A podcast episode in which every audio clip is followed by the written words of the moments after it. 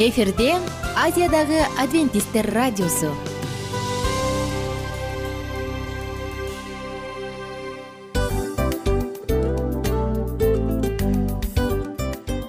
Достор салют. Баардык сүйүктүү угармандарыбызга салам айтабыз. Кутман күнүңүздөр менен. Ден соолук өмүрдүн булагы демекчи саламат саамы программасында баарыңыздарды көргөнүбүзгө абдан кубанычтабыз. Анда алгач амандашып өтөлү арбаңыздар деп. Ден соолугуңуздар кандай элибизде көбүнчө ден соолук кандай дегенде эле жакшы деп жооп беребиз э ооруп турсак дагы жакшы дейбиз. Анан мен муну айтып ойлойт элем бул абдан сонун сөз депчи анткени бул жакшы деген үмүт да э ооба баары жакшы болот. Баары сонун. Деп үмүттөнүп атып эле өзүбүздү өзүбүз дарылап коебуз. Анысы кандай? Сиздин дагы ден соолугуңуз жакшы беш деген үмүттөбүз чындыгында ден соолук бул өмүрдүн булагы деп бекеринен айтылган эмес деп ойлойм. Кыргыз элинде анткени эгерде ден соолук жок болсо анда адамдын жашоосунда калган баардык керектүү маңыздуу нерселер өзүнүн баалуулугун жоготуп коет. Ошондуктан ден соолук бул эң керектүү нерсе. Ооба туура айтасың кесиптешим. Чынында ден соолугуң жок бир эки үч күн ооруп калсаң эле э кандай болуп калат? Жашоодо көз каранды болуп каласың көп нерсеге жетишпей каласың көп нерсени кыла албай каласың жада калса эшикке дүкөнгө да чыга албай каласың. Туптуура анан ден соолук болсо демек биз биздин бактыбыз тотой деп койсок болот. Анда достор саламат саамы рубрикабызды баштайлы. Алдыда өзүңүзгө керектүү болгон сонун кеңештерди уга аласыздар. Мына ошондуктан биз менен бирге болуңуздар. Ал эми биз болсо милан жана айнура. Кеттик алга. Алга саламат саама ден соолуктун жарчысы. Саламат саама ден соолуктун ачкычы. Күн сайын сиз үчүн мыкты кеңештер сонун жаңылыктар кызыктуу фактылар биздин рубрикада.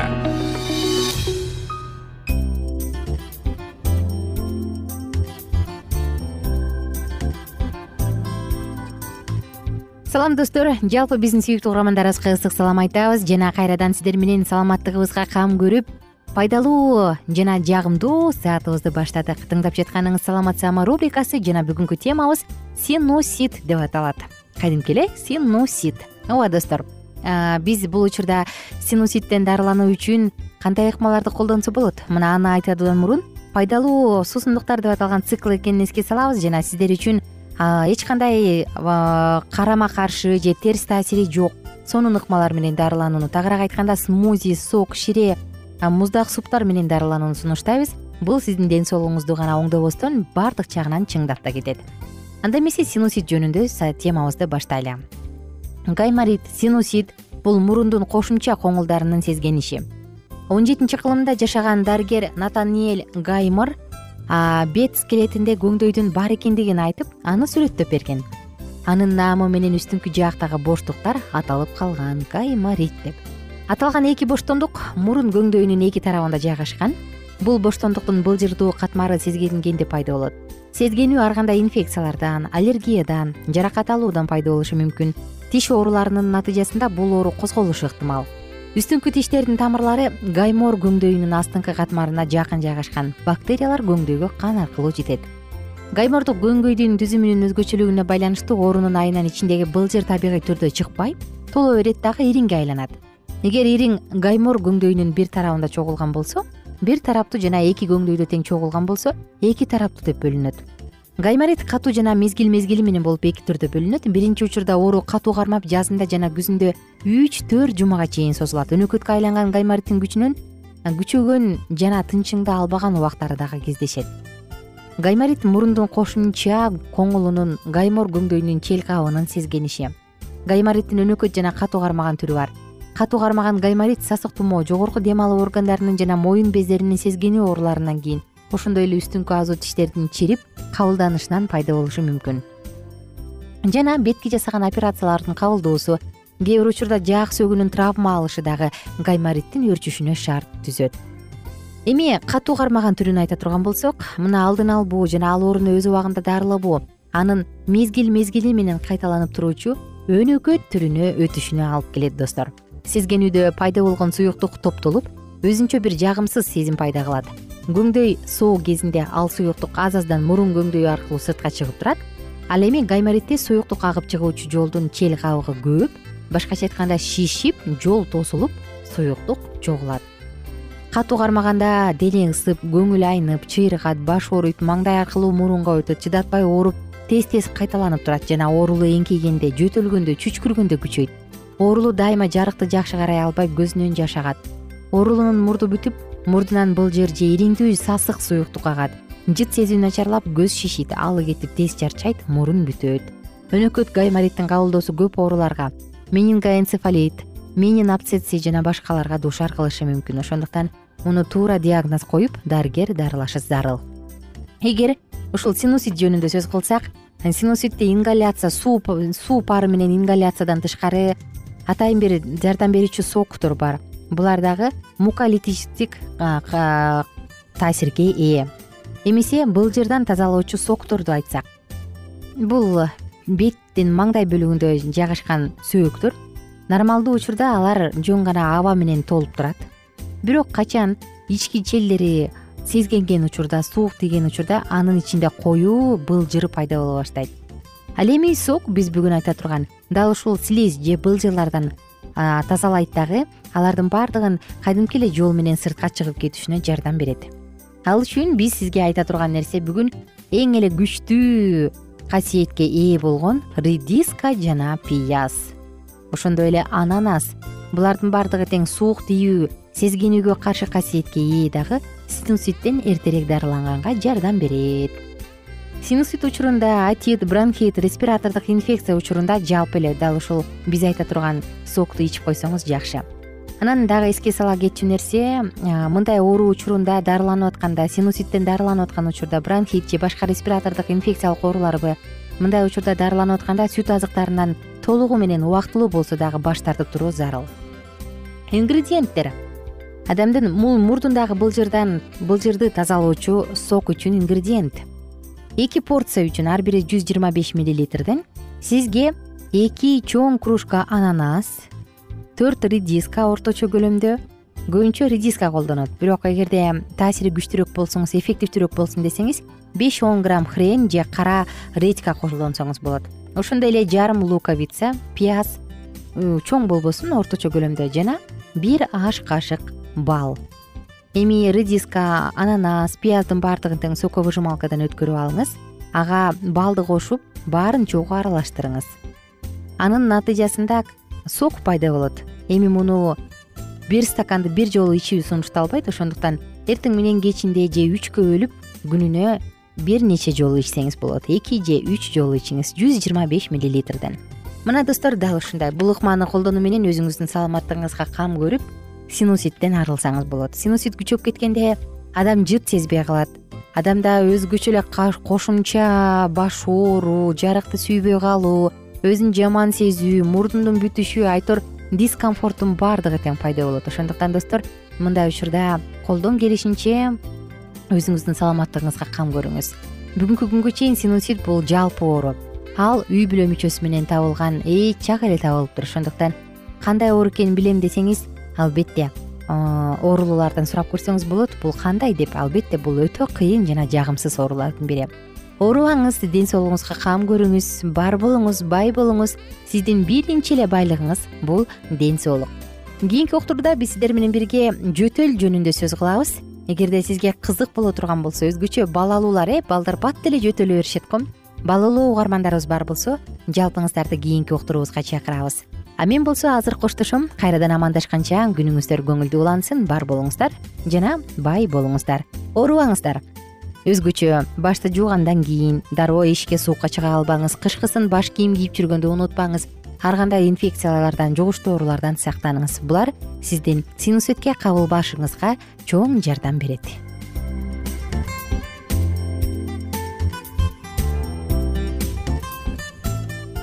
кененирээк маалыматтар үчүн үч w чекит саламат чекит клуб сайтына келип таанышыңыздар. Жана андан тышкары социалдык тармактарда youtube facebook жана instagram баракчаларына катталыңыз. Саламат саама ден соолуктун жарчысы. Саламат саама ден соолуктун ачкычы. Күн сайын сиз үчүн мыкты кеңештер сонун жаңылыктар кызыктуу фактылар биздин рубрикада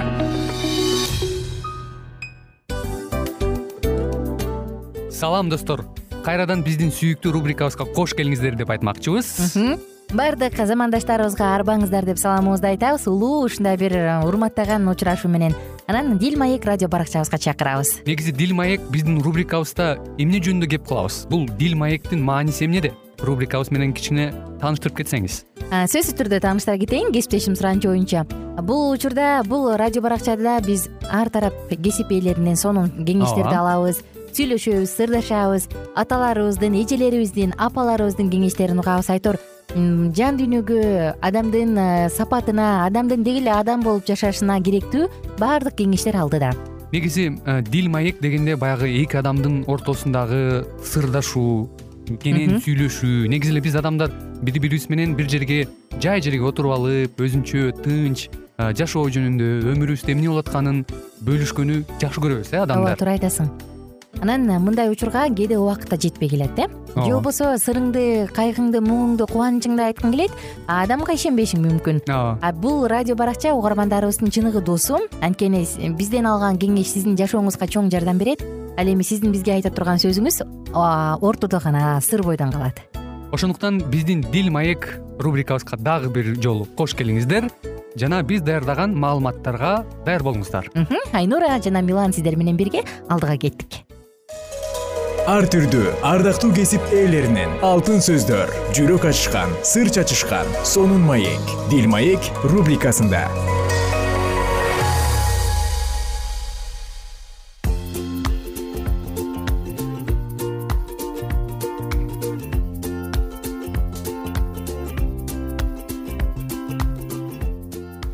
Саламатсыздарбы кадырлуу замандаштар жалпы биздин сүйүктүү угармандарыбызга ысык салам айтабыз. Жана сиздер менен бирге бүгүн достор жаңы циклды баштайбыз. Аял жубай жана эне. Бул китеп албетте аял затына ардактуу кадырлуу эң эле сыймыктуу сүйүктүү аял затына арналмакчы ошондуктан апаларыбыз аталарыбыздын баардыгын тең алар менен бирге аял затын дагы чакырабыз анткени эмне себептен аталар анткени аталар дал ушул агалар байкелер инилер келинчектерине апаларына мамиле кылат эмеспи. Аял заты деги эле ким? Аларга кандай мамиле жасаш керек аял затынын негизги турган турпаты кандай? Мына ушул тууралуу сөз кылабыз. Угармандарыбыздын баардыгын тең чакырабыз. Аял эркек сыяктуу эле адам. Ал эркектен жынысы жагынан гана айырмаланат. Аял жөнүндө канчалаган китептер жазылбады. Ошого карабастан бул тема жазылып бүткүс тема. Мен менен сиз дагы макул болот болушуңуз керек. Аял заты жөнүндө ырлар дагы поэмалар дагы айтор баары жазылган э? Бул китепте сөз кылынган аялдар ойдон чыгарылган эмес алар кадимкидей эле денеге ээ болуп бул дүйнөдө чынында эле жашап өткөн инсандар. Алар өздөрүнүн умтулуулары күрөшүүлөрү үмүт тилектери менен азыркыга чейин көзгө көрүнбөй жашап келишет. Алар көп жагынан бизге окшош. Ал эми эң биринчи аял затынын каны ар бирибизде бар. Бул образдар сиздерге да кайрат берип үлгү болот деген үмүтүм бар. Бул аялдардын образын сиздерге жандуу кылып берүүгө аракет кылганымда алар мен үчүн дагы ошондой болду. Бул китептеги аялдар бири биринен коомдо ээлеген орду жагынан айырмаланбайт. Бири шебалык ханыша сыяктуу бай. Бири ыйсанын тушундагы жесирдей кедей болгондугу үчүн. Бири мириямга окшоп эл башында тургандыгы үчүн.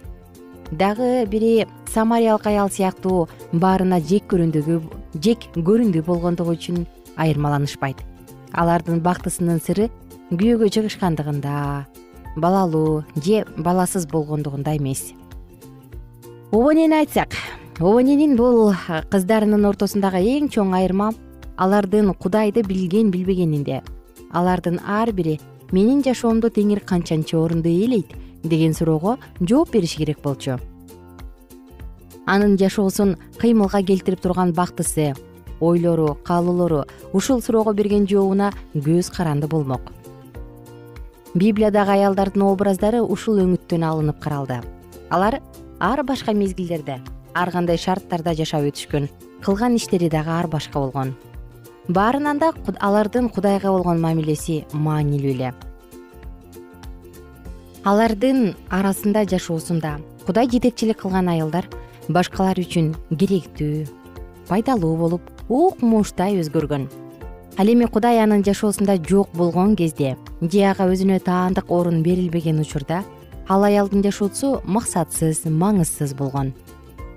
Библиянын уникалдуулугу китеп экенин сиз да сезе аласыз. Менин калемимден жаралган бул китеп кудай сөзүн жакындан таанууңузга биринчи же жаңы стимул болсун. Ыйык жазуудан алынып берилген аяттарды окуп чыгууну унутпаңыз. Бул аялдар жөнүндө алардын жашоосу жөнүндө көбүрөөк билгиси келгендер үчүн китептин соңунда суроолор берилген алар библияны өз алдынча окуп үйрөнүү үчүн пайдалуу. Аялды кудай адам атанын кабыргасынан алып жараткан. Адам атадан өйдө турушу үчүн анын баш сөгүнөн эмес тепселенип калышы үчүн анын бутунан эмес аны менен бирдей деңгээлде болуш үчүн капталынан анын коргоосунда болуш үчүн колунун алдынан сүйүктүүсү болуш үчүн жүрөгүнө жакын жерден алынган. Маттей хенри обо жер жүзүндө жашагандардын баарынын энеси. Ошентип кудай өз бейнеси боюнча адам жаратты. Аны кудайдын бейнеси боюнча жаратты. Аларды эркек аял кылып жаратты. Анан кудай аларга мындай деп батасын берди. Укумдап тукумдагыла жер жүзүн толтургула.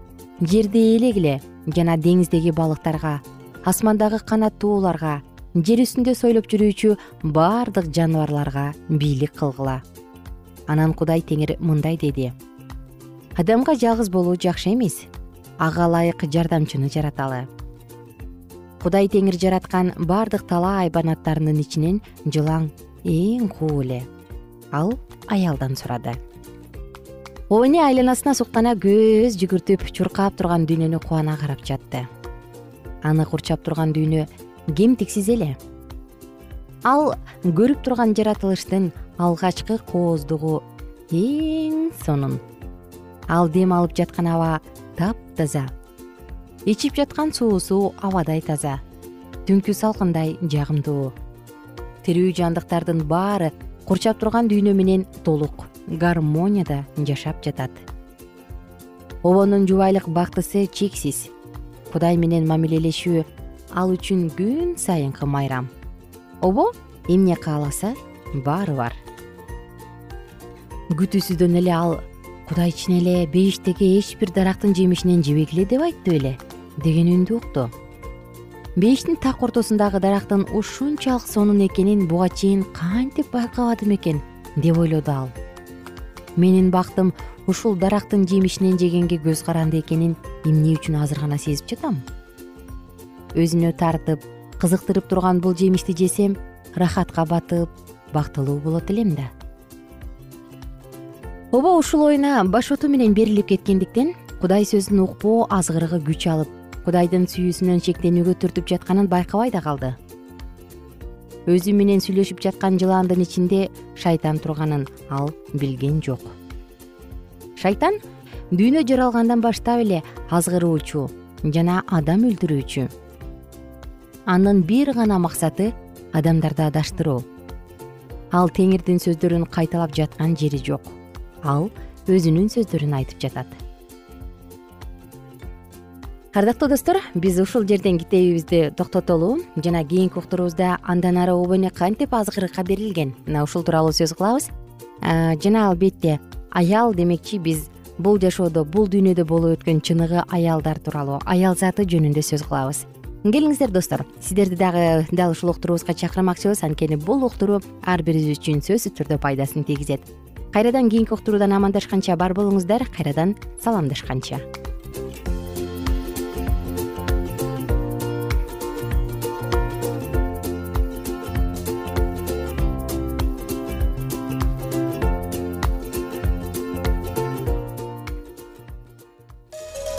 ар түрдүү ардактуу кесип ээлеринен алтын сөздөр жүрөк ачышкан сыр чачышкан сонун маек дил маек рубрикасында.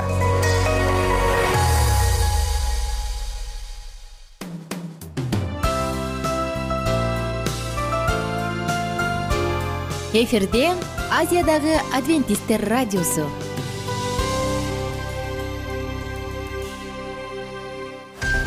жан дүйнөңдү байыткан жүрөгүңдү азыктанткан жашооңо маңыз тартуулаган жан азык рубрикасы.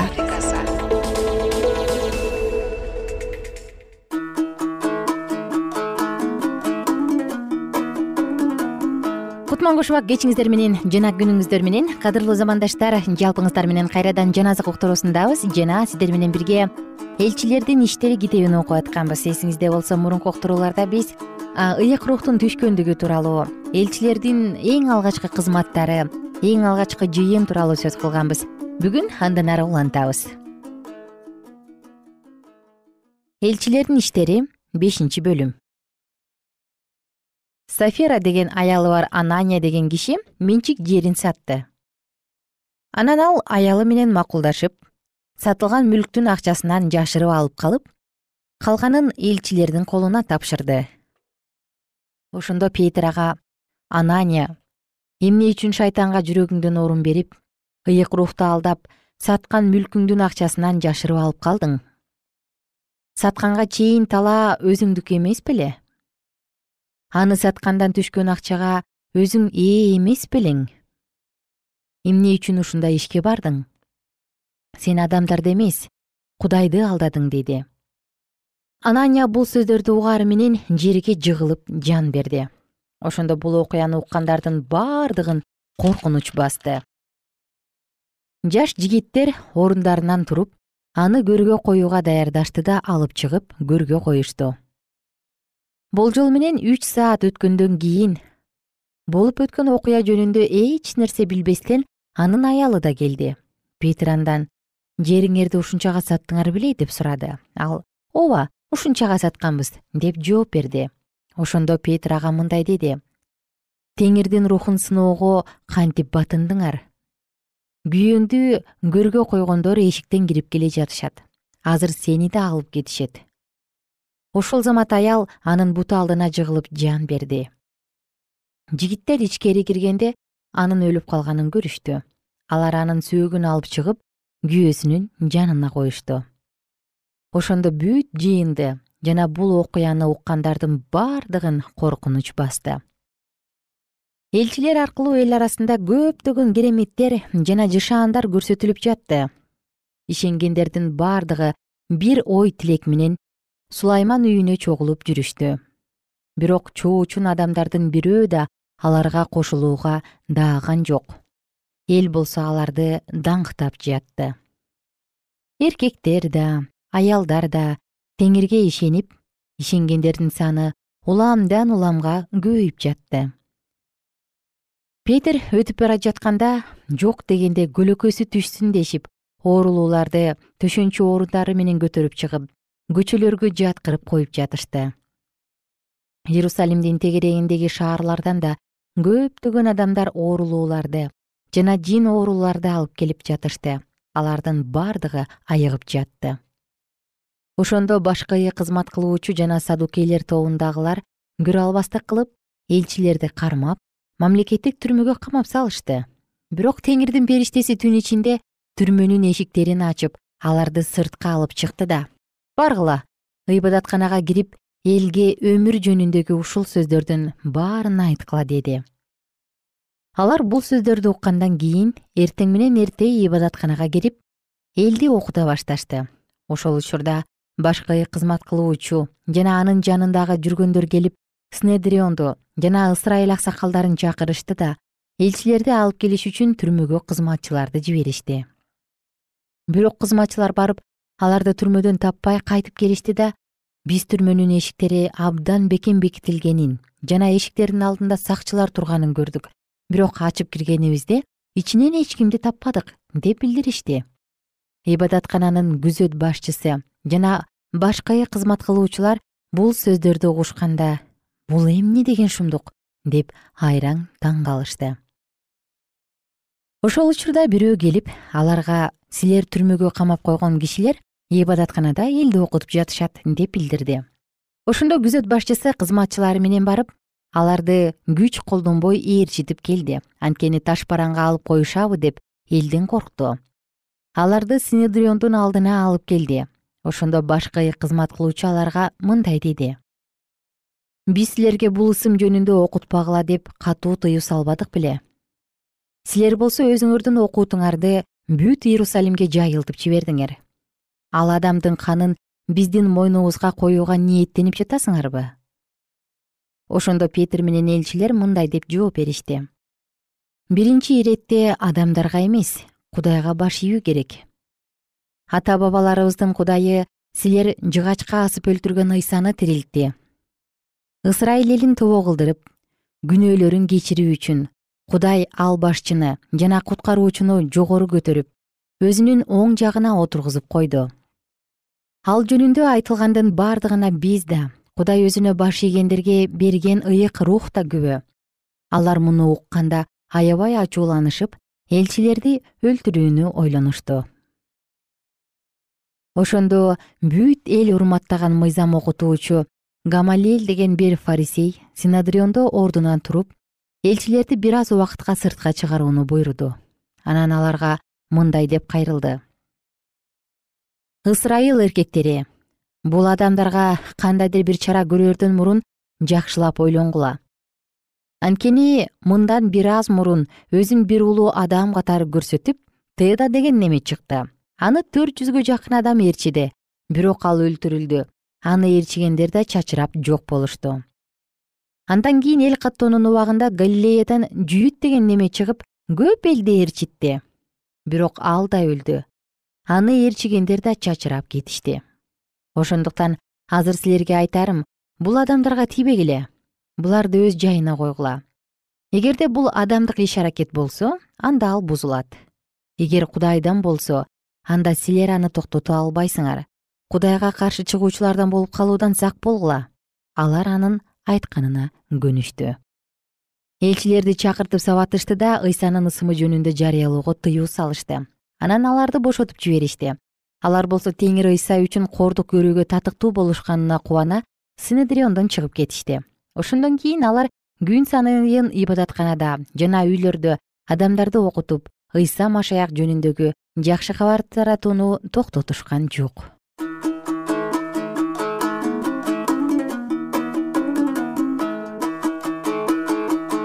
Замандаштар достор бүгүн сиздер менен дагы эң сонун окуяны бирге окудук. Кийинки уктурууда андан ары улантабыз биз менен бирге болуңуздар.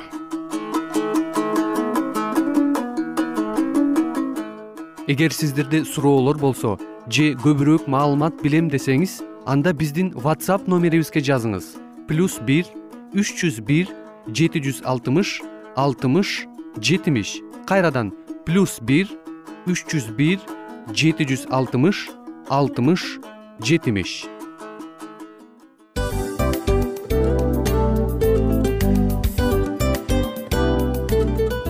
Ушул менен достор программабыздын уктуруубуздун эң кайгылуу мөөнөтүнө келип жеттик кайгылуу дегенде ыйлагым келип кетти кесиптеш. Кадимкидей. Анткени баягы учурашасың анан коштошуу учур келгенде ии кантип ии эми эми бат баттан келиптир э сагындырбай деп атып араң коштошобуз го анысы кандай угармандарыбыз менен коштошчу учур келди. Кийинки уктурууларды сагыныч менен жүрөгүбүздө кусалык менен күтөбүз жалпыңыздарды анан жарым сааттык уктуруу көз ачышым канча өтүп кетти. Сөзсүз бирок бизде жакшы кабар бар. Кийинки уктурууларыбызда сөзсүз дагы кезигишебиз. Анткени биз көптөгөн сюрприздерди кызыктуу маалыматтарды жана керектүү керектүү нерселердин көбүнчөсүн даярдадык анда угармандарыбыздын баардыгына ийгиликтүү күн каалайбыз эгерде бүгүнкү күнүңүз өзгөчө э, өтүшүн кааласаңыз анда позитивдүү ой жүгүртүп жылмайып жакындарыңызга жакшы маанай тартуулап жүрө бериңиз. Анткени сөзсүз түрдө мунун арты кайтат э? Сөзсүз. Баягы ден соолугуң оңолот ал бул деп көп нерсени санап келебиз. Эң негизгиси бул сиздин жашооңузду жаркын кыла түшөт экен жараткан кудай ар бирөөңүздөргө батасын берсин жашооңуз ийгиликтүү болсун сак саламатта калыңыздар деп мен милан жана кесиптешим айнура баардыгыңыздар менен кийинки уктурууда үн алышканча. Баарыңыздарга ийгилик каалайбыз